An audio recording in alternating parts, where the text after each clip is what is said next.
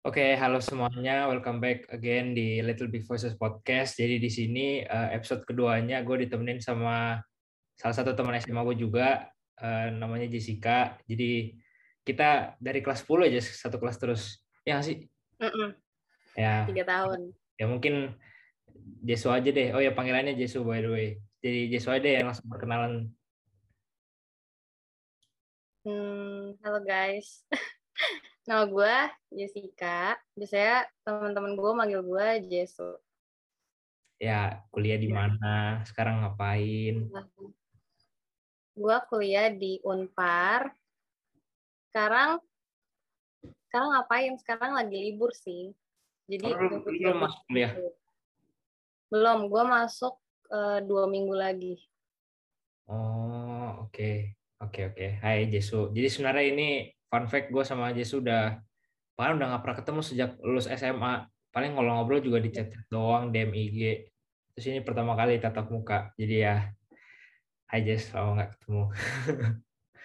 Oke, em, kan sebenarnya kemarin gue ngajak Je- Jesu tuh kayak pengen ajak bikin podcast bareng gitu dan dia kebetulan mau. Cuma ya ini podcastnya lagi nggak ada topik-topik serius banget sih, cuma kita pengen ngobrol-ngobrol dikit aja karena ya mirip-mirip catch up lah karena udah lama juga ketemu. Katanya Jesu juga penasaran kuliah gue gimana, katanya sesusah apa kuliah apa kuliah kedokteran. Lu pengen nanya. Iya lu pengen nanya apa emang? Kan emang dulu gue juga emang pengen kedokteran kan. Cuman setelah mikir-mikir tuh pas SMA, eh, kayaknya dokter tuh udah banyak gitu. Terus gue jadi kayak pindah haluan. Tapi kayak menurut gue pindah haluan gue juga salah. Nah. Jadi gue penasaran aja, lu sesibuk apa gitu di kedokteran.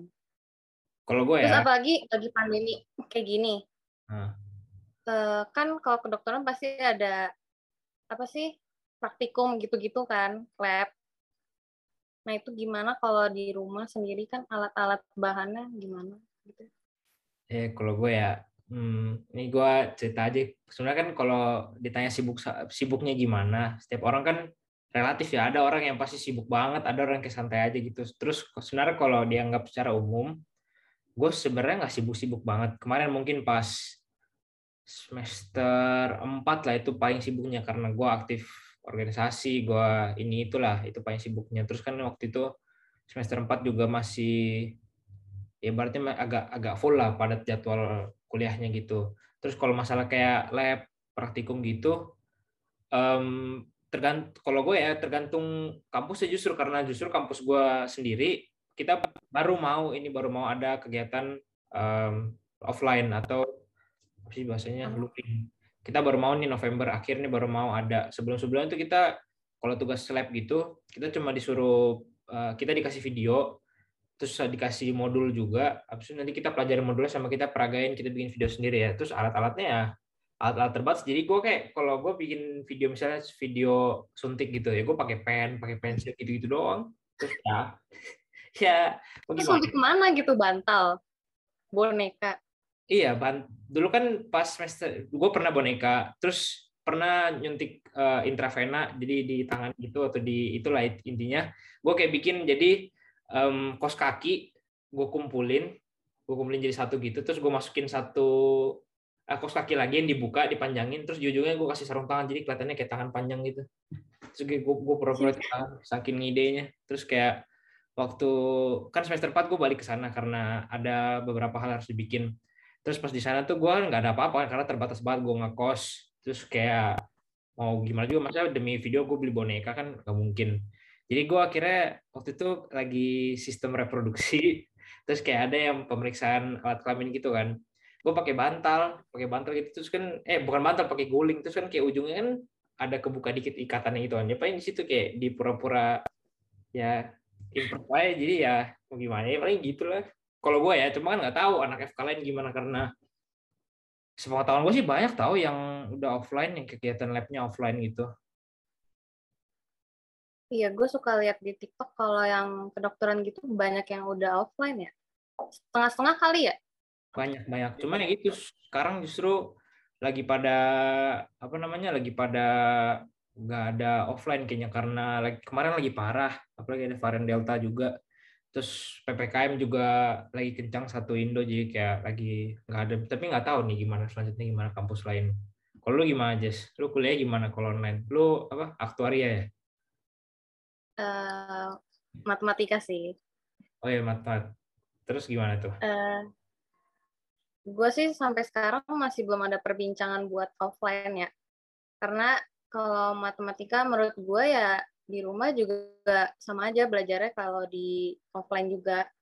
Nggak perlu ada praktikum gitu-gitu kan. Uh, apa ya? Apa lagi? Tapi lu belum pernah balik ke Bandung ini jadinya? Belum. Sama sekali. Belum. dari lu kapan dipulangin ya? kapan di Maret. Maret tahun lalu? Oh oh iya Maret tahun lalu ya sama lah sebenarnya tuh sempat ada mau disuruh balik yang buat semester ini. Cuman tiba-tiba kan yang varian Delta muncul kan, terus nggak jadi deh. Harusnya semester ini gue udah setengah-setengah balik gitu. Oh lu harusnya ini udah udah di sana tapi gara-gara ini jadi nggak jadi. Mm. Walah, sayang banget. Kalau gue masih akhir gue gue bahkan tuh lainnya gue buat ujian doang. Jadi kayak bener-bener datang dua minggu ya kalau nggak salah dua mingguan gitu tiap hari buat ke kampus sama buat ujian praktiknya sesuai giliran habis udah balik nggak ngapain jadi kayak tau lah itu pun masih masih perbincangan karena nggak ada yang tahu keadaan nanti gimana jadi ya. Ya sudah.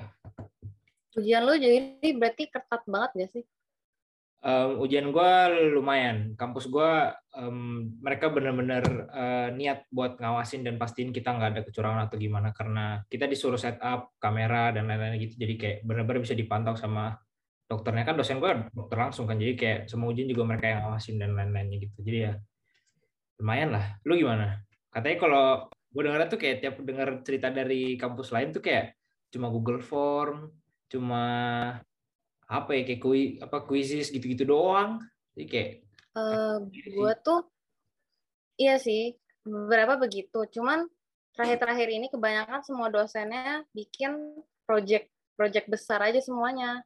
Biar kayak kan dosen-dosen juga nggak bisa apa nuduh kita nyontek kan. Akhirnya mereka kayak bilang ya udah daripada kalian ngumpet-ngumpet kerjasamanya udah mendingan kalian kerjasama aja buat nilai tugas akhir. Keren gak sih Terus dosennya bisa eh, bahkan emang bahkan diizinin ya bahkan ya. Iya. Jadi eh, kebanyakan yang semester 4 kemarin gue tuh udah semuanya uh, ujiannya yang ujian akhirnya project semua. Tapi kayak disusahin gitu lah. Karena mereka oh. mikirnya ya udah daripada lu kerja sama diam-diam, ya udah kerja sama aja langsung gitu. Bagus juga. Iya sih bagus sih menurut Tapi ah, akhirnya kayak lu tahu sendiri kalau kerja sama online gini itu pasti nggak semuanya kerja ngerti kan? Uh, ya apalagi banyak yang nggak aktif. Mau dia apa hmm. maksudnya kayak susah dihubungin gitu. Hmm. terus kalau itu gimana? Karena gue tuh mikirnya gini aja ya. Ya ini kan nilai-nilai gue juga. Gue kan nggak mau nilai gue jelek gara-gara satu atau beberapa orang eh, nggak kerja gitu. Jadi ya ya udah gue kasih kasih ya kasih terbaik aja lah. Oh, ya, tapi emang daripada capek aja gitu mikirin mereka kan. Tapi emang gitu gak sih kayak um, gimana ya gue belakangan ini juga sempat mikir kayak lu sibuk misalnya gak usah kita berdoa lah. Andai kan ada satu orang setara sama kita mahasiswa terus dia sibuk banget. Tapi ya gitu ada banyak hal-hal yang di luar kendali dia sedangkan dia nggak bisa kendalikan dan bisa maksimalin buat dia capai satu usaha yang maksimal gitu. Misalnya tugas kita dulu cerita um, tugasnya kelompok nih tugasnya kelompok dan emang buat nilai akhir dan nilai akhirnya penting karena ya buat IP buat kelulusan segala macem. Tapi ini orang susah dihubungin gitu tapi kalau lu gimana? Kan tadi lu bilang bakal usaha yang terbaik aja tapi misalnya kalau ada kasus-kasus mirip kayak gitu di luar yang kayak gimana lu sadar nggak sih banyak hal di dunia itu yang nggak bisa kita kontrol semua dan memang di luar kendali kita. Lu gimana nggak? Atau nggak lu sering ngalamin pengalaman kayak gitu nggak? Sering sih, pasti. Pernah lah setidaknya. Hmm. Uh, ya karena kita terbatas gitu loh. Kita cuma manusia, kita bisa cuma bisa melakukan apa yang emang udah eh, apa yang namanya? Apa yang udah bisa kita lakukan doang karena ngomongnya gimana ya? Ah apa? Porsi kita doang gitu loh. Ngerti nggak? Ya tapi kan pasti kan kayak lu kesel gitu loh kalau misalnya anggaplah lu tadi yang kerja kelompok lu kalau misalnya lu per, pasti kepikiran coba nih orang aktif gitu pasti nilai gue bisa lebih tinggi lagi bahkan atau gimana gitu. Tapi ya di satu sisi kita nggak bisa ngapa-ngapain. Terus menurut lu gimana tuh? Kayak terima aja atau diapain? Kayak um, mungkin gue cerita dulu dari sisi gue kayak gue dulu pas semester 4 lagi aktif-aktif organisasi um, banyak masalahnya. Dari segi mungkin ada member yang bermasalah ataupun ada uh, eh, gue tabrakan sama jadwal kuliah gue padat ataupun ada hal-hal lain lah yang mungkin di, di luar kendali gue nah gue sendiri sih kayak gue kadang sampai pusing kayak um, aduh ini gimana gimana nih? Terus kayak bahkan kepikiran saking pusingnya itu bukan gue bukan malah mikirin solusinya. Gue pikir um, kenapa hal ini terjadi ke gue karena bahkan harusnya coba gue mikirnya kayak gini andai nggak ada hal ini pasti gue lancar-lancar gitu. Andai hal ini nggak terjadi pasti hasilnya bisa maksimal. Cuma kayak seiring waktu ya kalau gue sendiri gue mulai bisa uh, nerima kalau emang banyak banget um, hal di dunia ini emang di luar kendali kita bahkan di luar kendali seorang diri kita sendiri jadi kayak gue kalau lama-lama mikirnya kayak ya udahlah jalanin aja gitu. Dan yang bener yang lu bilang tadi lu usahain maksimal lu usahain yang terbaik aja sesuai porsi lu masing-masing gitu. Nah kan tapi kan kalau itu kan gue karena ya kondisinya beda gue kuliahnya beda gue juga organisasi sama lu pasti beda. Karena kalau dari lu gimana? Tadi kan salah satu contoh lu baru apa? Tugas kelompok. Lu gimana? Uh, ya sama sih gue kayak lebih ngejalanin aja nerima tulus uh, apa lebih fokus gitu loh sama diri sendiri kayak kalau misalnya kita terlalu banyak mikirin kesalahannya, kita mikirin kejelekannya, kita mikirin yang apa kita nggak bisa itu malah uh, jadi makin menghambat kita gitu loh buat ngerjain nyelesain sesuatunya itu. Hmm. Dan kita malah jadinya nggak berkembang karena kita terlalu banyak mikirin hal-hal yang kita nggak bisa lakuin gitu loh. Karena gue percaya uh, apa yang gue lakuin itu nggak bakal mengkhianati hasil gue gitu loh maksudnya hasilnya nggak akan mengkhianati pekerjaan yang gue lakukan gitu hmm. benar sih benar setuju setuju cuma ya gitu lagi yang um, gue bilang tadi kayak gimana kalau ada orang pemikiran tuh muncul andai hal ini nggak terjadi sama gue atau nggak misalnya andai ini orang bisa aktif bisa bantu gue intinya yang dia apa yang diharapkan apa yang di expect dari seseorang atau sesuatu ini bisa terjadi gitu. Nah kan nggak semua orang bisa menerima. Bahkan gue sendiri belum bisa menerima 100% um, menerima 100% kalau banyak banget hal masih di luar kendali gue dan gue nggak bisa maksimalin hal itu. Kalau gue pengen tahu dong dari lu gimana nih uh, mungkin kayak step by step atau cara-cara perlahan buat bisa nerima keadaan kayak gitu. Karena kayak jujur ya gimana ya ini kan gue pengen nyari aja mencari pendapat aja gitu. Kayak gimana rasanya dari pihak atau gimana pendapatnya dari lu gitu. Kalau lu gimana? Menurut gue yang pertama banget itu eh, jangan berharap lebih gitu. Kita boleh berharap, tapi kita harus mikirin juga sisi di mana harapan kita itu nggak akan terjadi gitu. Atau enggak kita jangan berharap terlalu lebih lah intinya gitu. Terus kita harus mikirin situasi kalau misalkan hal itu nggak terjadi, makanya kita nggak bakal kecewa banget. Itu yang pertama. Terus kedua tuh uh, mungkin lebih ngelepas kali ya. Lebih ngelepas uh, kalau misalkan emang itu nggak nggak terbaik buat kita, ya pasti emang itu bukan porsi buat bukan yang terbaik buat kita gitu loh. Pasti ada rencana yang lebih baik daripada yang kita mau gitu. Ya enggak ya gue setuju sih. Cuma kayak yang tadi gue yang lu bilang aku kepikiran tuh kayak gini. Kalau misalnya kita selalu um, mikirnya tuh uh, lo bilang nggak boleh berharap.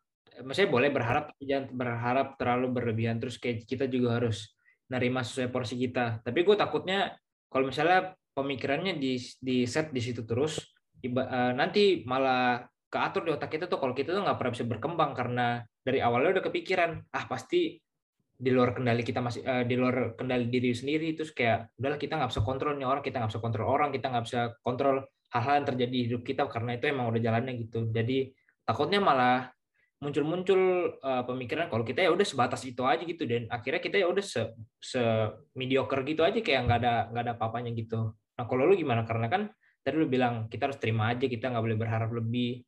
Jadi ya mungkin lu gimana? Uh, sebenarnya bukan yang nggak bisa numbuh sih. Kita kan emang nggak bisa ngendaliin orang lain kan. Yang kita bisa kendaliin siapa? Cuma kita doang kan. Makanya itu hmm. supaya kita tuh nggak terlalu kecewa sama apa yang dilakukan orang lain ke kita. Menurut gue tuh ada bagusnya buat nggak terlalu banyak berekspektasi. Tapi uh, bukannya berarti kita jadi kayak minder gitu loh. Jadi kayak ih gue nggak bisa. Gue nanti bakal di ini ini sama dia. Nanti gue bakal nggak selesai nih. Gue bakal sakit nih sama dia nih. Bukan berarti kayak gitu juga sih. Kayak lebih biar kalau misalkan situasinya tuh nggak sesuai yang kita mau kita tuh nggak terlalu kecewa. Dan kita karena kita udah mikirin kayak gitu pasti kita punya plan lain kan. Nggak mungkin kita setelah mikirin wah kita kayaknya nggak bakal ini nih. Kita nggak mungkin diem aja dong kita pasti bakal set plan lain atau cara lain supaya uh, masalahnya itu atau situasinya tuh bisa lebih baik lah bisa ada jalan keluarnya. Ya setuju setuju. Jadi kayak gue tangkap itu kayak um, bukan jadiin um, hal itu jadi batasan tapi kayak ibaratnya lebih ke arah defensif sih sama buat jaga emang biar kita tetap uh, gimana ya tetap jaga ya diri kita lah supaya kita nggak nanti berlarut sedih berlebihan atau gimana. Terus kayak juga dengan um, kita bisa nerima realita tersebut ya berarti kita bisa fokus ke hal lain gitu. Benar nggak sih kata lu kayak gitu? Ya, ya setuju setuju, iya, benar. cuma kayak ya gitulah. Paling emang dari gue sendiri sendiri gue belum bisa nerima secara 100% karena di satu sisi gue pengen gue pengen kayak gini gue pengen kayak gitu gue pengen um, kayak uh, macam-macam lah. Terus gue juga sering uh, masih berharap ah coba deh kayak gini ah coba deh kayak gitu. Apalagi tentang kayak misalnya urusan-urusan yang cukup penting dan cukup urgent karena ya ya mulai kita mahasiswa mulai urusin banyak hal selain pendidikan dan apa selain pendidikan dan lain-lain ya kan kalau dulu kalau SMA ya sekolah sekolah sekolah sekolah main sekolah main. Doang pas kuliah kan mikir ini mikir itu nanti mikir ke depannya gimana mikir karir lu gimana dan lain-lain gitulah cuma ya benar sih kata lu gue nggak pernah kepikiran buat um, apa buat jadiin itu cuma sebagai buat apa ya bahasanya kayak buat refleksi aja gitu loh. Kayak sebagai reminder kayak kita harus tetap ingat kalau banyak banyak hal bahkan kayak mayoritas hal di dunia ini di luar kendali kita. Jadi ya Ya, setuju sih gue. Tapi kayak gini, mungkin gue udah mau nanya lagi nih. Kalau misalnya um, lu ngelakuin sesuatu, terus uh, ada sesuatu ada sesuatu aspek dari hal ini yang di luar kendali dan sebenarnya um, ini tuh um, apa namanya kayak muncul dari seseorang yang justru lu berharap mereka bakal bisa penuhin gitu loh. Kayak misalnya lu justru berharap ke orang ini kayak ibaratnya gue kira nih orang bakal kayak gini karena ya berdasarkan pengalaman pengalaman sebelumnya kayak dia uh, berdasarkan kerja kerja sebelumnya oh dia bagus dia uh, pokoknya dia kayak ada ada jaminan dari masa-masa um, lalunya gitu kayak dia tuh kerjanya bagus gitu loh. Tapi sedangkan pas sama kita dia malah jelek. Jadi kan uh, intinya kayak lu misalnya kerja sama seseorang terus lu lihat dari backgroundnya dia dia bagus banget nih kerjanya atau gimana gitu. Tapi pas kerja sama lu um, malah nggak gitu malah nggak sesuai ekspektasi lu. Kan otomatis pas dia baru mau mulai kerja sama lu itu kan lu berharap kayak oh pasti orang bisa lah pasti orang bisa lah. Kalau lu gimana? Karena kayak gue pernah ngalamin kayak gitu kayak um, pernah ngeliat um, teman gue lah ibaratnya bilang aja teman gue teman gue kayak gue liat dia wah ini orang aktif banget nih kayak bisa banget aja kerja sama. Ya udah gue ajak nih semuanya dan gue liat juga pas dia ngeliat dia kerja dulu bagus banget rapi banget semua kerjaannya kayak beres semua. Tapi pas sama gue um, jelek banget gitu loh. Jadi kayak um, apa emang ini salahnya gue atau gue berlebih berharap? Kayaknya dalam satu sisi ya masa gue nggak berharap? Karena gue lihat dari backgroundnya dia juga bagus gitu loh. Kalau gimana? Hmm, kalau itu masalah kecocokan kerja sama juga gak sih? Iya sih cuma ya ada kan ada katanya kayak profe, apa profesional dalam bekerja jadi kayak biar ya. lu cocok biar lu enggak tetap usahakan yang terbaik gitu loh tapi ya dalam kasus ini ceritanya itu kayak dia nggak sesuai sama apa yang harusnya dia bikin gitu loh sedangkan ya sesuai dengan background dia dia harusnya bagus gitu loh gimana tuh kalau menurut lo? Gak semua orang juga uh, bagus di semua bidang kan? Iya tapi ini anggapannya lagi lagi bidang yang sama lah. Sama nih. Nah, bidangnya Ceritanya sama. bidangnya sama, cuman orangnya doang yang beda ya. Iya orangnya doang yang beda. kita juga nggak tahu kan kayak dia tuh lagi mengalami apa. Mungkin itu juga membuat moodnya juga jadi nggak bagus atau kelompoknya juga nggak bisa nggak connect gitu loh. Karena menurut gue kalau misalkan punya kelompok nih orang-orangnya kayak keren-keren keren semua, bagus-bagus bagus, top one semua gitu tapi kalau mereka nggak punya chemistry ya, kan juga tetap susah gitu loh buat kerjasamanya. Kayak misalnya satu egois yang ini, ini. Kalau misalnya masalah berharapnya, boleh berharap, karena emang udah ada realnya kan. Sebelumnya dia emang bagus banget gitu. Cuman kita nggak bisa ngendaliin semuanya bakal baik-baik aja sama dia. Iya sih, cuma itu tadi gue bilang kayak nyebelin aja gak sih kayak lu udah berharap dari dia karena memang backgroundnya bagus dan ya itu tadi gue bilang uh, profesional dalam bekerja gitu. Tapi ya pas gilirannya sama kita. Dan jujur ya nggak ada apa-apa sebenarnya. Kayak ibaratnya ya kita cuma bekerja bareng doang. Bukan berarti kita ada masalah personal atau ada gue ganggu mood dia atau gimana. Cuma ya gitu karena uh, yang hal-hal gini lah maksud gue ini gue bukan cerita berdetail pengalaman. Maksudnya kayak hal-hal kayak gini tuh kadang sering muncul uh, di uh, gua rasa di kehidupan gue sekarang. Kayak misalnya ya gitulah tadi ya harapannya gimana tapi outcome-nya gimana gitu. Dari ya gue pengen tahu aja dari pandangan lu. Tadi kan lu bilang kayak um, bisa karena mood bisa karena chemistry juga cuma ya kembali lagi sih kalau menurut gue um, lebih ke dikasih umum gitu loh kita harus bisa nerima semua keadaan karena memang kembali lagi banyak banget hal yang memang di luar kendali kita. Biar lu udah berharap atau biar lu juga background dari seseorang atau sesuatu pun bagus, lu udah berharap juga ya bukan berarti dia bakal selalu kayak gitu dan memang itu di luar kendali kita karena ya nggak ada yang tahu bakal gimana ke depannya gitu. Kalau gue sih gitu ya nangkepnya. Bener nggak? Mm -mm. Ya oke okay, oke. Okay. Cuma gitu karena semuanya bisa sesuai dengan yang dulu juga gitu loh. Hmm, cuma ya gitu lah tetap aja kan berharap itu manusiawi ya maksudnya kayak pasti orang nggak mungkin nggak berharap apalagi ya iya. dalam kayak dari dari masa hidupnya manusia sampai sekarang udah evolusi bertahun-tahun beribu-ribu tahun ya pasti mereka pernah berharap dan nggak mungkin nggak berharap cuma itu kembali lagi gimana kita bisa belajar untuk terus nerima keadaan kita nerima banyak hal di luar kendali banyak hal yang memang kita nggak bisa kontrol dan itu yang tadi lu bilang apa namanya um, berusaha yang terbaik aja lah gitulah dan kita maksimalin karena memang ya kembali lagi apa yang tadi dulu bilang satu-satunya yang bisa kita kontrol ya diri kita sendiri. Itu. Tapi lu itu dari tadi kan gua terus nih. Mungkin lu ada nggak cerita-cerita kayak gitu yang kayak lu pengennya gimana tapi hasilnya gimana gitu? Banyak.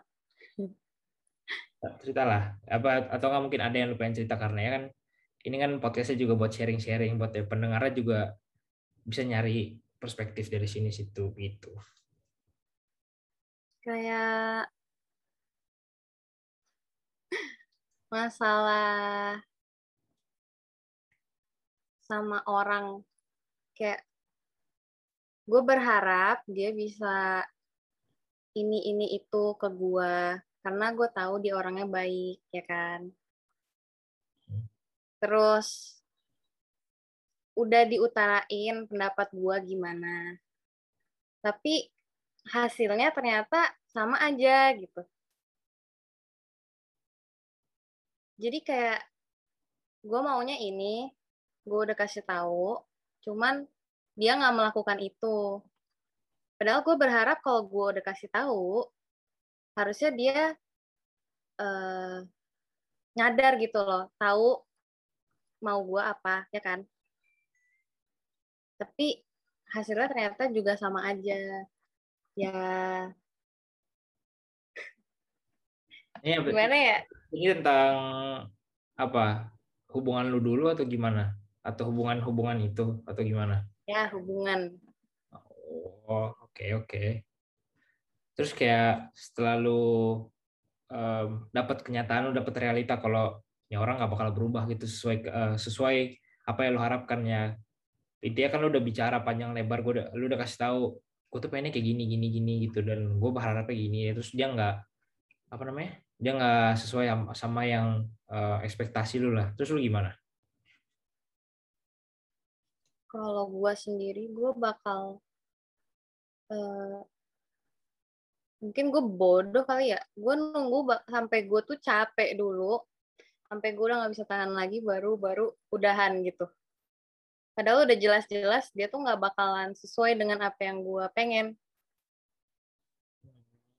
Karena gue merasa kayak ya orang-orang tuh beda-beda ya tinggal gue mau nerima dia atau enggak ya gak sih? Iya, iya. Gue juga belakangan ini mikir dari dulu tuh gue mikirnya gimana kan mungkin kita bahas ekspektasi lah. Dari gue tuh dari dulu selalu sering mikir kayak gimana gue bisa fit in um, di lingkungan sekitar gue di mana gue bisa selalu menuhin ekspektasi orang gue bisa menuhin ekspektasi lingkungan gue terhadap gue sendiri tapi ya makin ke sini gue makin mikirnya kayak kenapa ya dulu gue mikir kayak gitu ya kayak ngapain gue um, pedulin ekspektasi orang. Sedangkan kalau misalnya ekspektasi gue sendiri ke orang lain tuh banyak yang belum terpenuhi dan banyak yang kayak memang gak di luar kendali gue karena kayak mau gimana? Masa gue mau kontrol orang? Masa gue mau paksa-paksa orang buat berubah? gitu kan. Jadi kayak akhirnya muncul sifat bodoh amat dan kayak gue kayak mikir ya udah kalau lu nggak kalau menurut lu gue nggak sesuai ekspektasi lu ya udah gue bodo bodo amat gitu. Kayak ya udah nggak usah nggak usah sama gue silahkan gak usah berhubungan sama gue atau gak usah apa ya.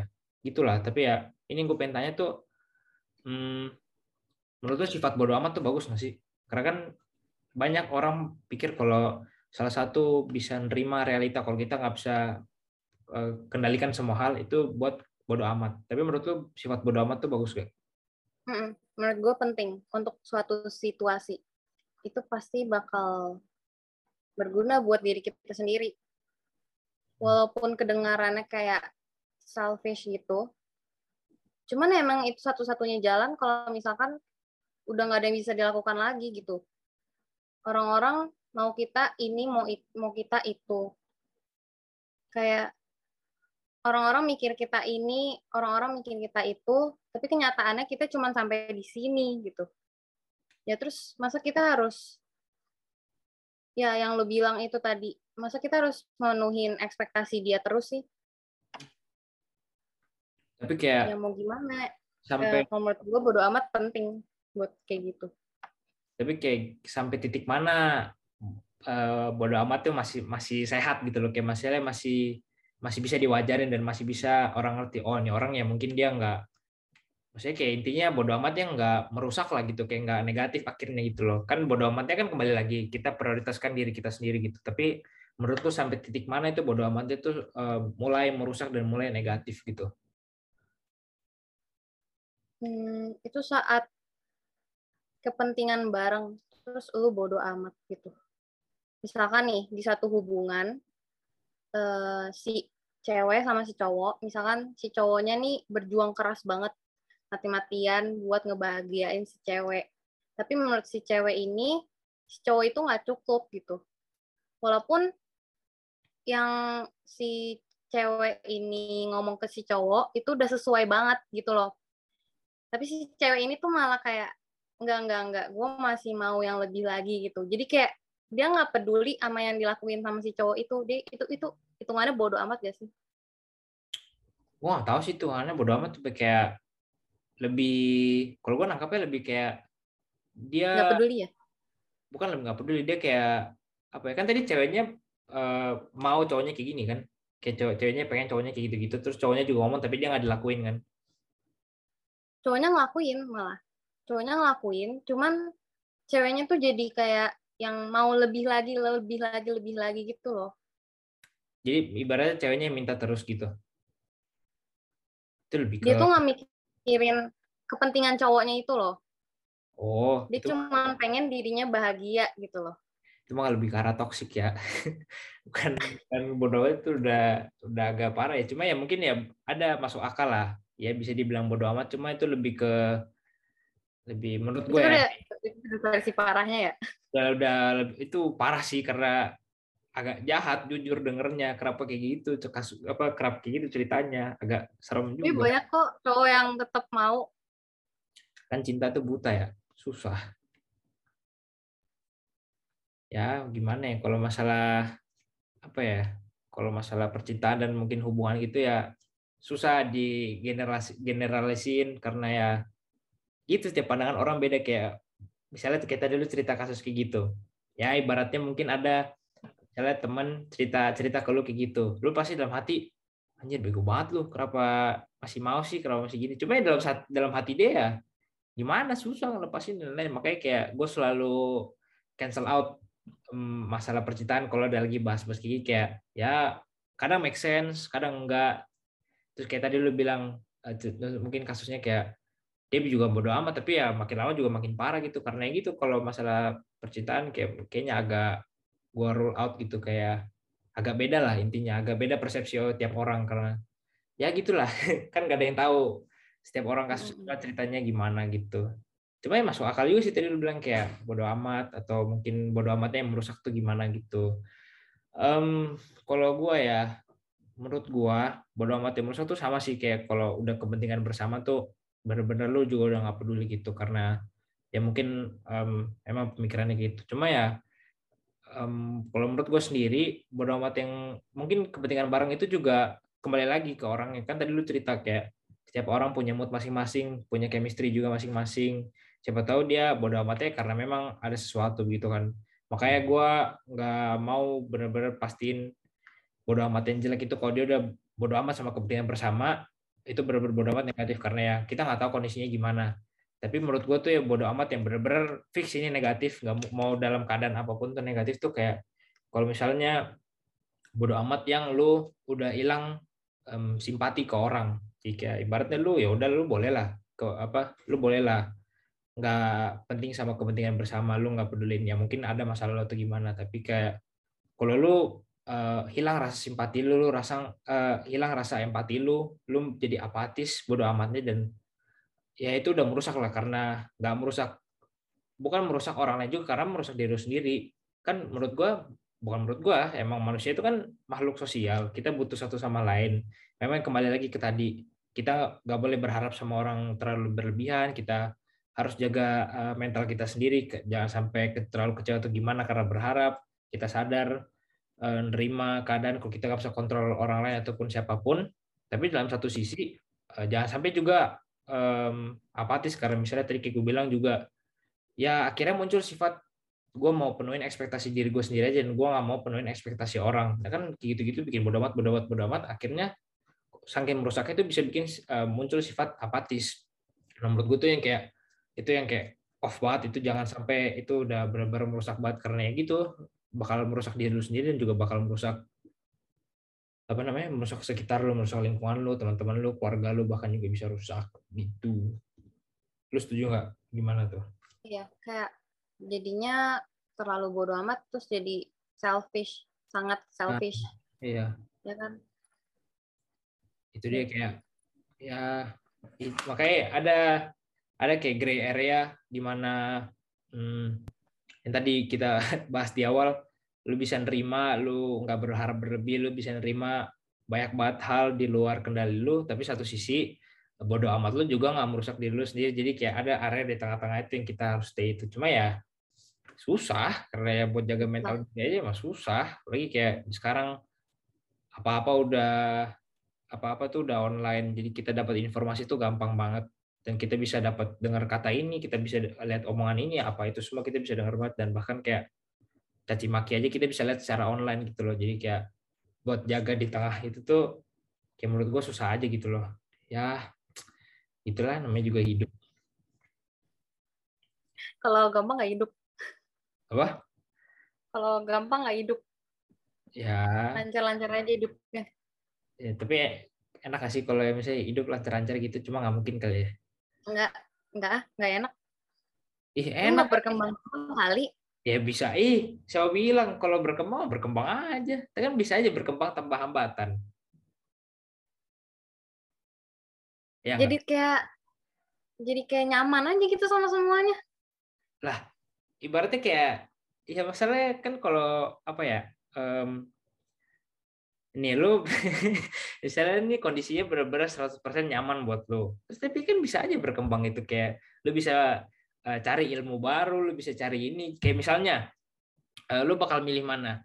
Lu em, ini perubahan nah ini perubahan eh, misalnya lu OTW ke perpustakaan buat baca buku. Lu pilih jalanan yang kosong atau jalanan yang macet? Yang kosong kan? Gimana nggak ada masalah kan? Tapi enak lu bisa berkembang karena lu itu bakal- pasti ada costnya kan. Ya. Jalanan nggak macet nih misalkan ada yang macet ada yang nggak macet. Berarti yang macet naik mobil yang nggak macet naik pesawat. Lebih mahal kan? Pasti ada yang konsekuensinya itu loh. Nggak mungkin ada yang kayak sama rata gitu loh. Kalau kalau misalnya dua-duanya naik mobil gimana? Yang satu yang satu lewat Gading yang satu lewat Pulau Gadung. Kan beda gimana? Ya, maksud gua tapi ada satu lebih jauh. Oh iya ya oh, iya.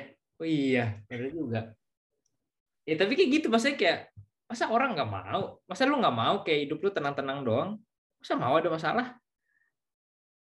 Iya, yang tadi yang yang tadi lu bilang, kalau misalnya kita tenang-tenang aja nih, terus Iya, kita mau belajar belajar hal baru, Iya kan Ya misalnya inti- menurut gue tuh intinya hidup tenang, nggak menghalangi buat berkembang gitu. Maksud gue tuh kayak gitu. bisa sih, cuman mustahil. Ih, bisa terus mustahil maksudnya? Maksudnya mustahil buat hidup kita tuh tenang terus. Oh iya, iya itu ya itu udah hukum alam ya nggak mungkin emang. Cuma maksud gue kayak em, kalau misalnya andaikan, andaikan hidupnya tenang, aman, tentram, juga nggak halangin buat lu buat berkembang. Makanya tadi gue kaget lu bilang, lu pengen gak sih hidup hidupnya tenang-tenang aja? Lu bilang kagak. Hah? Kenapa nggak mau? Kan lu yang bilang tadi. Iya ya. Eh, iya, nyadar. Hmm. Tapi kalau tenang-tenang aja tuh nggak tahu sih. Gue tuh merasa sekarang ya, gue sering merasa kalau misalnya gue happy happy aja tuh belakang belakangnya tuh gue bakal tersedih gitu loh. Gak tahu kenapa. Hmm, Lu pikiran gitu gak sih?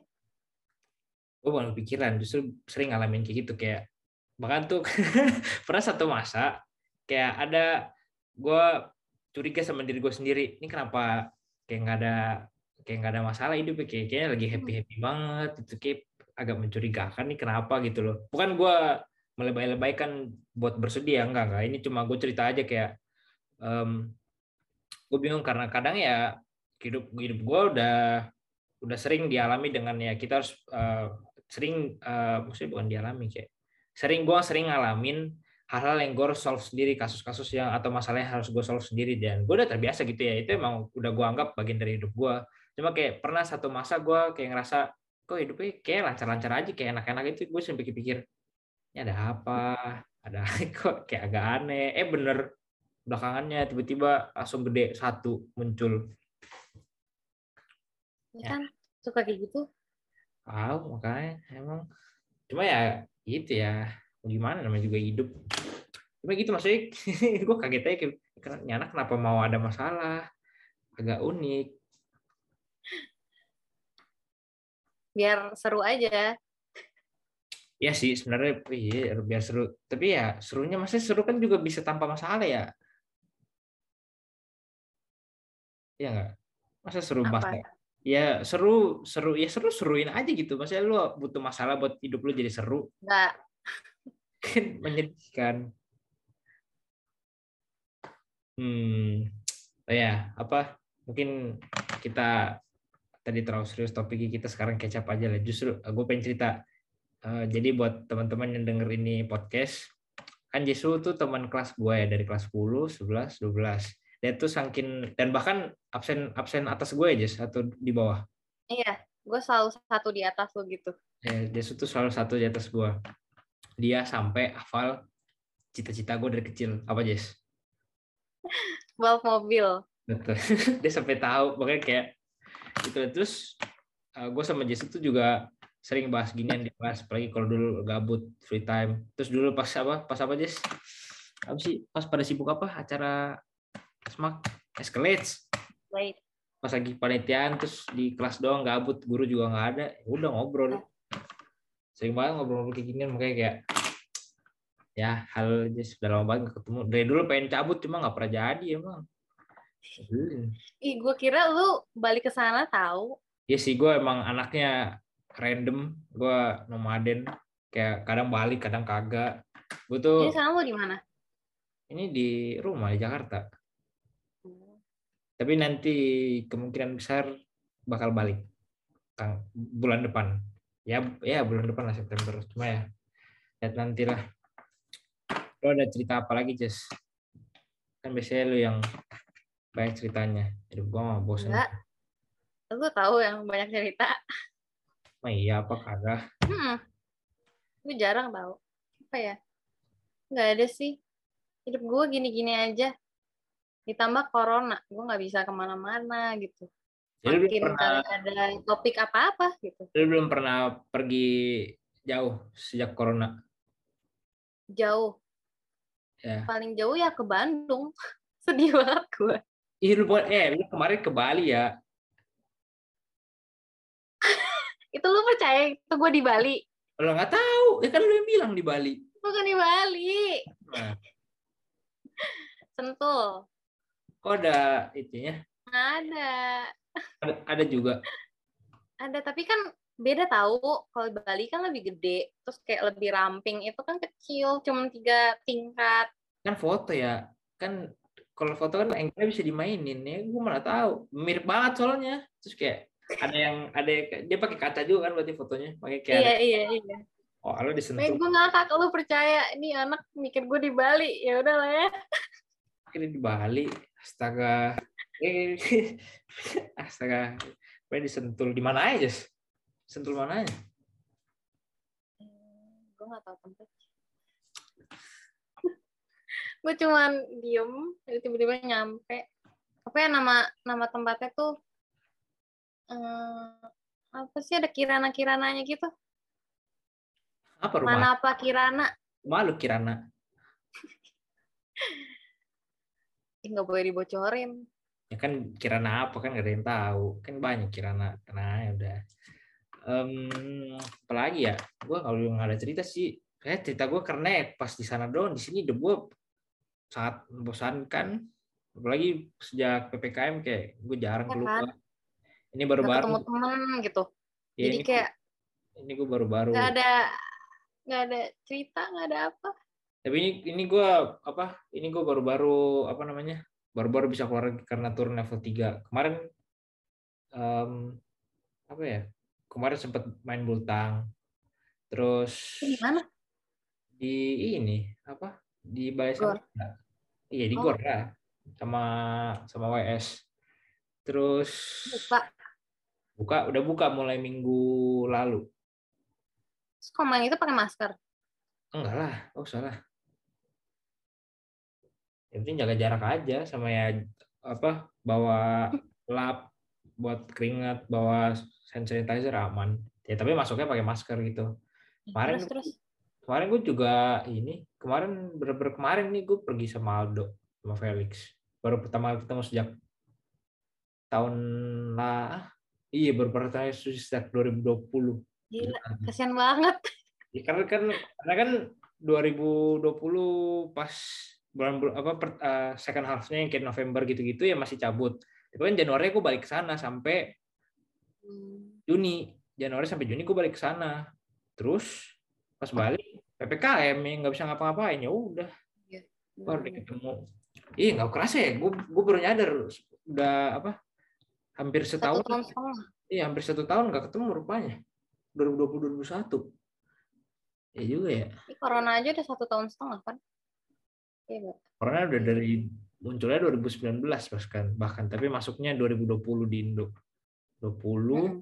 Maret. Iya 20, 20 Maret. Iya lu udah satu tahun setengah. Ih, gila ya nggak berasa ya. Lu lu lu sadar nggak sih kita sekarang udah tingkat udah tahun ketiga mahasiswa. Padahal dulu kirain masih rasanya masih baru-baru masuk univ. Aduh, iya. Gila, tiba-tiba udah semester lima aja gitu. Iya, gue juga kayak Hah? Dulu tuh kan dokter ya, dokter tuh selalu eh, kuliah dokter tuh selalu dipikirannya susah lah, stres, banyak banget belajar ini itu. Tapi tiba-tiba rasa lah gue udah lewatin sampai semester lima aja. Kayak akhirnya udah semester lima aja. Oke-oke aja perasaan kayak hmm, nggak berasa juga waktu ya. Lalu ini ya, apa namanya? Menjalaninnya enjoy gitu ya? Dokteran. Bukan lebih lebih ke ada apa adanya sih bukan enjoy kayak kalau ujian gue belajar kalau nggak ujian nih gue gue ngapain gabut? Kalau ginian gue belajar. Ini gitu gue nggak pernah gue anaknya nggak pernah terlalu stresin satu hal. Kecuali emang itu bener-bener makan pikiran gue buat kayak ya mungkin ada hal-hal yang memang di pikiran banget. Tapi selain itu gue selalu ya enjoy aja gitu. Apalagi dulu pas awal-awal kuliah yang tak- masih tahun 2019 kita semester 1 ya itu gue nggak berasa kayak kuliah. Bro tiap hari kerjanya main doang. Datang datang kuliah absen balik main sampai malam lu juga kan pasti apalagi apalagi di luar kota Enggak. ah lu lu dari SMA gue pengen banget gue pengen banget Ton, di Bandung kuliah Enggak, enggak, enggak, enggak. Gua nggak sampai main-main terus ya. ya pasti ada mainnya tapi kan terus banyak mainnya kan Kangen sih ngerantau lagi. Iya, iya. Apa kemarin gue ada juga baca di apa di di Twitter, kayaknya di Twitter atau TikTok gitu gue baca kasihan banget em, katanya kasihan banget anak-anak yang eh, kuliahnya di keluar dari rumah, jauh dari rumah ya. anak-anak yang anak-anak Jakarta yang eh, iming-imingnya kuliah di luar buat cari kejar pendidikan padahal pengen eh, hidup sendiri gitu kan. Eh tapi tapi malah ada pandemi gue langsung ih nyebelin. Cuma ya udahlah nikmatin aja. Saya gue juga Iya gua bukan bermasalah juga sih di rumah cuma kayak emang ada banyak hal pengen gue coba sendiri kayak hidup mandiri em, terus kayak ngurus apa apa sendiri dan menurut gue belum puas aja karena ya baru 4 5 bulan 4 4 sampai 5 bulan lah sendiri di sana gue tiba-tiba corona. Jadi kayak apaan? Nggak jelas banget. Kayak akhirnya pengalaman juga nggak dapet. Ya gitulah Bener sih, walaupun di rumah juga gue ngerasa malah lebih enak gitu tau sekarang. Apa kelamaan gara-gara di rumah ya? eh kelamaan deh Jess Tapi gue kayak merasa bersyukur gitu loh bisa online karena gue nggak perlu bangun pagi-pagi gitu. Ih, Gue nggak perlu, maksudnya semua di rumah udah ada gitu. Tapi kangen, kangen rasa bisa ngebersihin semua tempat sendiri, beli barang-barang buat diri sendiri, ya kan? Kangen gitu ada tahu. gue sih nggak kangen. Gue sih nggak kangen bersih bersih ngapain gue kangen bersih bersih gue gue kangen ya cabut Bukan, cabut bukan bersih-bersih. Apa sih? Kayak punya tempat sendiri gitu anjir. Gue kangen kangen kangen bersih bersih ngapain gue kangen ini bersihin bersihin tempat random banget Hidup gue terlalu Emang dari SM, dari SMA Jesu ini dikenal agak error jadi ya maklumi. Mohon dimaklumi pendengar. Memang agak-agak dia dari SMA tuh udah mulai agak-agak. Ya. Apalagi nih sekarang udah nggak ketemu orang kan. Ini pikiran gue cuman diri gue sendiri gitu. Jadi kayaknya makin freak. Nggak tahu lah. Apa? Kan yang penting jadi diri sendiri. Hmm. Mana gue juga gitu. Satu-satunya yang gue gak suka sekarang Jakarta tuh kan dulu pas kita SMA ya kita jat, eh, temennya teman sekelas. Jadwal kegiatan sehari-hari juga sama gitu loh karena ya pagi sampai sore kita sekolah jadwalnya pun sama. Jadi kayak bisa relate lah gitu kegiatan sehariannya nah masalahnya kalau gue sekarang Jakarta temen gue ada yang di UI ada yang di ITB ada yang di ini ada yang di itu. Eh, lu, lu lu juga beda univ jadi kayak beda-beda jadwal jadi kayak mau ketemu aja tuh susah bahkan kayak mau cari waktu buat bisa main bareng aja itu susah gitu loh. Itu yang minusnya gue masuk ke Jakarta kayak ya teman sih ada terus teman jalan juga ada cuma gitu terbatas karena setiap orang punya kesibukannya masing-masing sekarang dan kita nggak bisa relate satu sama lain. Bedanya kalau gue di sana ya teman-teman gue juga kuliah kedokteran. Misalnya kalau gue sama senior gue juga ya senior gue juga kurang lebih sama gitu dan waktunya juga kurang lebih sama nggak akan beda-beda jauh dan enaknya itulah di situ loh walaupun online atau enggak enaknya di sana tuh kita masih bisa lebih available lah intinya gitu. Lu gimana? Lu kan dari dulu udah ini apa apa namanya online pas sejak online maksudnya lu nggak pernah balik juga ke sana?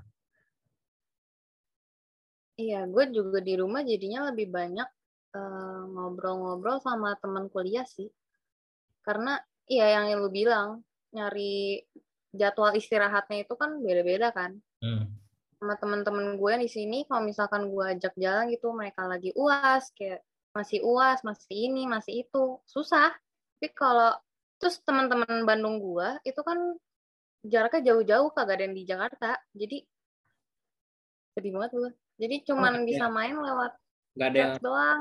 gak ada orang Jakarta temen lu? Nggak ada yang deket sama gua ya yang deket sama gua kalau yang lain sih banyak cuman yang deket sama gua tuh jauh-jauh semua oh. mau main juga susah banget Unpar bukannya ini ya apa siapa sih yang seleb TikTok masuk Unpar bukannya ada ada. Siapa sih namanya gue lupa. Si... Gue juga lupa. Ya itu adalah. Kan kuliah lu tempat kuliah selebgram kan sebenarnya. Enggak, enggak juga. Ih, bukannya iya Unpar katanya kayak gitu. Enggak. Hmm. Terus tadi lu tadi apa? Gue jadi keingetan lu tadi bilang ngerasa salah jurusan itu kenapa, Jess? Eh iya nggak sih lu bilang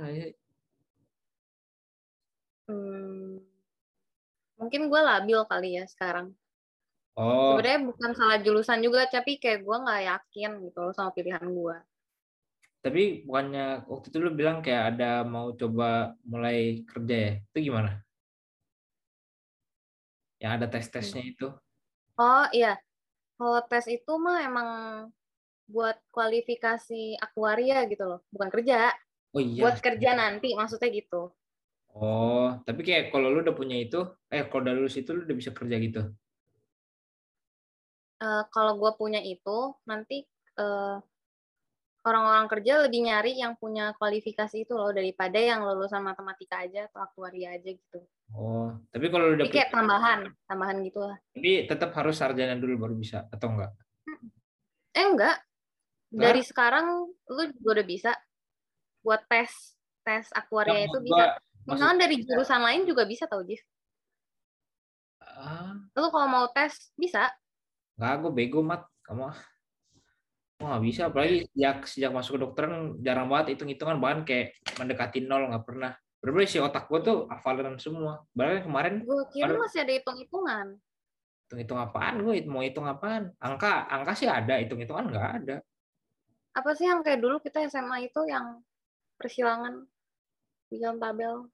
Eh, ngapain? Kan gua dokter manusia ya. Ngapain gue itu kan kebanyakan ya lebih ke dokter hewan dan anak biologi. Kan gua kedokteran nyok ngobatin, ngobatin orang. Gak gua ber... semuanya tetap bakal ada kayak basic matnya gitu waktu di awal-awal, enggak ya? Gak ada, gue sama sekali nggak ada. ada. Ya hitung-hitungannya ada, cuma nggak pernah ada mata kuliah IPA, mat fisika tuh gue nggak pernah, bahkan biologi juga udah nggak pernah. Kayak bener-bener fokus ke dokteran. Kemarin kemarin hari Jumat gue baru-baru selesai ujian mingguan gue. Belajarnya saraf. Aduh, pusing. Berarti kalau kayak gitu lu ngafal, ngafal, ngafal, ngafal terus ya? Iya, ngafal. Ngafal, ya ngafal lu kayak ngafal struktur otak, ngafal struktur tulang belakang, hafal apa yang ada di dalamnya, hafal jal, hafal jalurnya. Kayak kalau misalnya dia lumpuh di kiri, yang masalah otak bagian mana. Terus di bagian Mantap. apanya. Mantep mantep, capek belajarnya. Tapi ya. kan kalau eh, kalau jadi puji Tuhan given jadi dokter kan keren. Amin, ya. amin. Jadi sih jadi cuma nggak tahu berapa lama semoga semoga tepat waktunya selesai jadi sih masih lah gue masih lama Hmm. juga bukan kayak kan sarjana ya ini udah masuk tahun ketiga satu satu tahun lebih lah selesai sarjana tapi kan gue masih ada koas masih ada Mm-mm. ini itu masih panjang perjalanan lu gimana Salah. lu mas lu langsung apa namanya langsung mau ini langsung mau lanjut S2 atau gimana Kenapa? Lu langsung mau langsung apa langsung mau lanjut S2 atau gimana pas nanti kalau udah kelar Enggak sih. Kayaknya kerja dulu kali ya. tapi lu mau ambil S2 Hmm,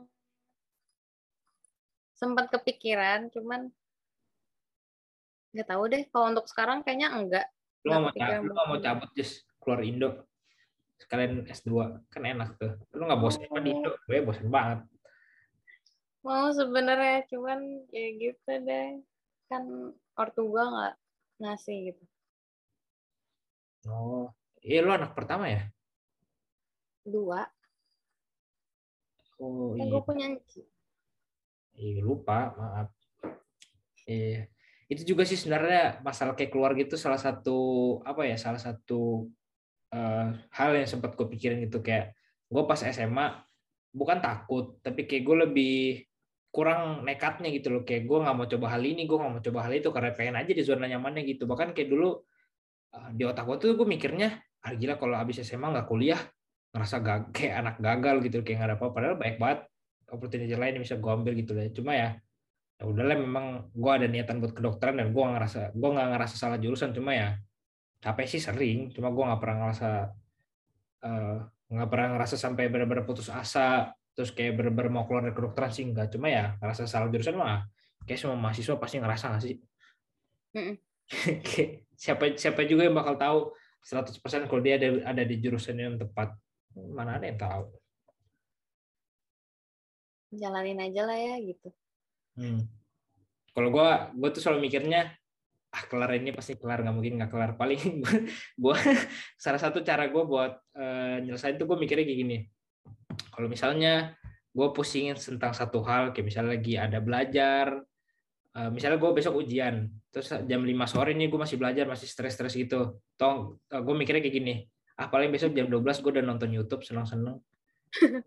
mikirnya kayak gitu kayak apa- Mikirin yang happy-happynya. ya, mikirin ah paling nanti gue jam 3 lagi main lagi makan paling nanti ah paling nanti jam 4 gue udah cabut pergi nongkrong paling gue mikirnya kayak gitu jadi gue ya udahlah kayak jalanin aja gitu paling nanti juga kelar kelar sendiri gue sih mikirnya kayak gitu dan Bagus Ya. sih. Jadi nggak terlalu stres. nggak terlalu cuma tetap stres nggak terlalu tapi ya ada lah iya. ada lah gunanya dikit ya gitulah jadi berapa kalau apa kalau dihitung berapa tahun just ketemu kayak ketemu ke terakhir kapan sih Prom. demi apa setelah itu Iya gak sih? promanya kapan Mei ya Kita nggak pernah ketemu di Bandung juga kan? Lu nggak pernah ke Bandung? gue aja terakhir ke Bandung kayaknya field trip SMA kelas 12 iya. Yang waktu itu. Bilang. Iya, berarti dari Mei Ih, 2019. berarti udah dua tahun Jess Dua tahun lebih. dua tahun Jess Eh, dua tahun. gila nggak berasa ya Padahal dulu ketemu tiap hari gue liat mukanya Jesu dengan tas jan sportnya yang warna-warni Warna apa aja? Ingat gak? warna Yang sering gue pakai. stabilo warna hijau stabilo Ya ada. Yang yang paling sering. warna ungu Iya. tuh inget yang sama zebra. Eh, terus kotak pensil lu yang sangat rapi, isinya juga binder. Apalagi itu ya kelakuan lu ya. Oh ini tas tas apa tas kantongan yang kayak buat bawa bekal lu. Angkel kartu. iya terus kayak kalau baju olahraga juga lu bawanya kayak gitu. Terus pas semester pas semester 2 apa tiap istirahat dua ambil diet. Jadi gue masih ingat juga ya. Ambil apa ambil catering diet atau apalah itu yang catering lu lah intinya. Iya ya. Ih, gue bahkan lupa loh. Gue masih eh gue masih ingat apalagi ya eh tapi sumpah gue baik banget lupa nama orang loh di SMA atau kenapa. Hah? kayak seriusan. Ih, semua kayak um, apa ya kemarin gue pernah ngobrol sama Flo apa gitu gue lupa. Terus kayak dia ada sebut satu orang dia kayak bilang si ini bilangnya gini. Terus gue dulu ke dia gue ke dia bilang itu siapa Flo terus kayak bilang itu yang anak ini. Tuh terus kayak ah nggak tahu gue lupa. Baik banget gue lupa kayak siapa aja gue lupa ya. Kayak baik banget lah baik banget. Kayak mungkin teman sekelas masih ingat tapi kalau kayak di luar luar gue udah baik banget lupa gitu tahu kenapa Oh, iya. Wajar, orang nggak pernah ketemu lagi kok. ya cuma ya agak parah ya kayak pikun masalahnya tahu gue lupa siapa gitu Kangen sekolah gak, Jif? apa Kangen sekolah gak? apanya ini Iya. Apanya? ya maksudnya nggak? gedungnya ya kagak maksudnya kangen Ya apa enggak, enggak juga. iya apa Lingkungannya nggak sih?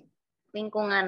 lingkungannya em, gua kangen mainnya lah karena kan dulu bener-bener tiap hari apa main apalagi sama teman-teman yang cowok gitu ya pergi main kabut tiap istirahat iseng-iseng ada aja dibikin ketawa-ketawa supaya gue paling kangen ketawa-ketawanya sih karena ada aja yang ngelawak pasti terus ada aja yang lucu pasti. Terus di kelas kayak nonton atau apa gitu belajar bareng stres barengnya gitulah. Kangen lah pasti nggak mungkin nggak kangen cuma ya ya gue nggak pernah sampai mellow banget. Lu gimana Iya, sama. Kangen kesolitannya gitu loh. emang kita solid Nggak Perasaan- tahu lu sama gua. Enggak maksudnya apa kayak perasaan bukannya kita dikenal ini ya di penabur kayak banyak banget yang kompetitif. Iya kan? Ini tetap tetap solid. Eh nggak sih? Enggak ya? Enggak ya? Enggak sih, solid sih. Cuma ya kebanyakan yang Kayak yang kan dulu kelas kita kayak pernah menaikkan derajat orang. Eh derajat apa sih yang kayak guru-guru mengekspektasi dia tuh kayak yang wah ini nggak bisa nih selamatin. Eh ternyata pas ini langsung bagus nilainya gitu. Siapa maksudnya? Ya kan isi lu katanya isi kelas kita siapa?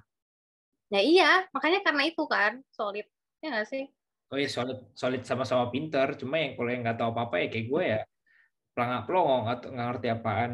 Eh isinya siapa dulu? Wih, gila baik. Iya, iya, kelas kita yang paling pinter ya dulu ya. Maksudnya isinya maksud gue, astaga. Maksudnya paling maksud gue isi isinya anak-anak paling pinter. Ya nggak sih? Mm-mm. Dari Hmm. dulu dari kelas 10. Eh, 10 ya nggak sih? Nggak tahu udah. Pokoknya kelas 11 tuh mulai dah. 11 11 Ya, Iya. semuanya wow, semua. Iya. Mungkin agak jauh kali ya pembicaraan tadi kita bahas agak filosofi, sekarang bahas SMA, terus nanti nggak tahu bahas apa. Cuma nggak apa lah, mungkin em, episodenya kita sampai sini dulu, nggak apa nanti bakal ada datang episode-episode terakhirnya. Mungkin Jesu ada mau kata-kata terakhir nggak atau kenangan karena bakal diupload di dua platform. Eh, itu aja sih paling ngetin buat jangan terlalu berharap, selalu ngasih porsi buat rasa kecewa kita. Terus do your best, let God do the rest kayak gitu. Asik. Oke, jadi mungkin ini akhir dari episode 2-nya. Makasih semuanya udah dengerin di YouTube ataupun di Spotify.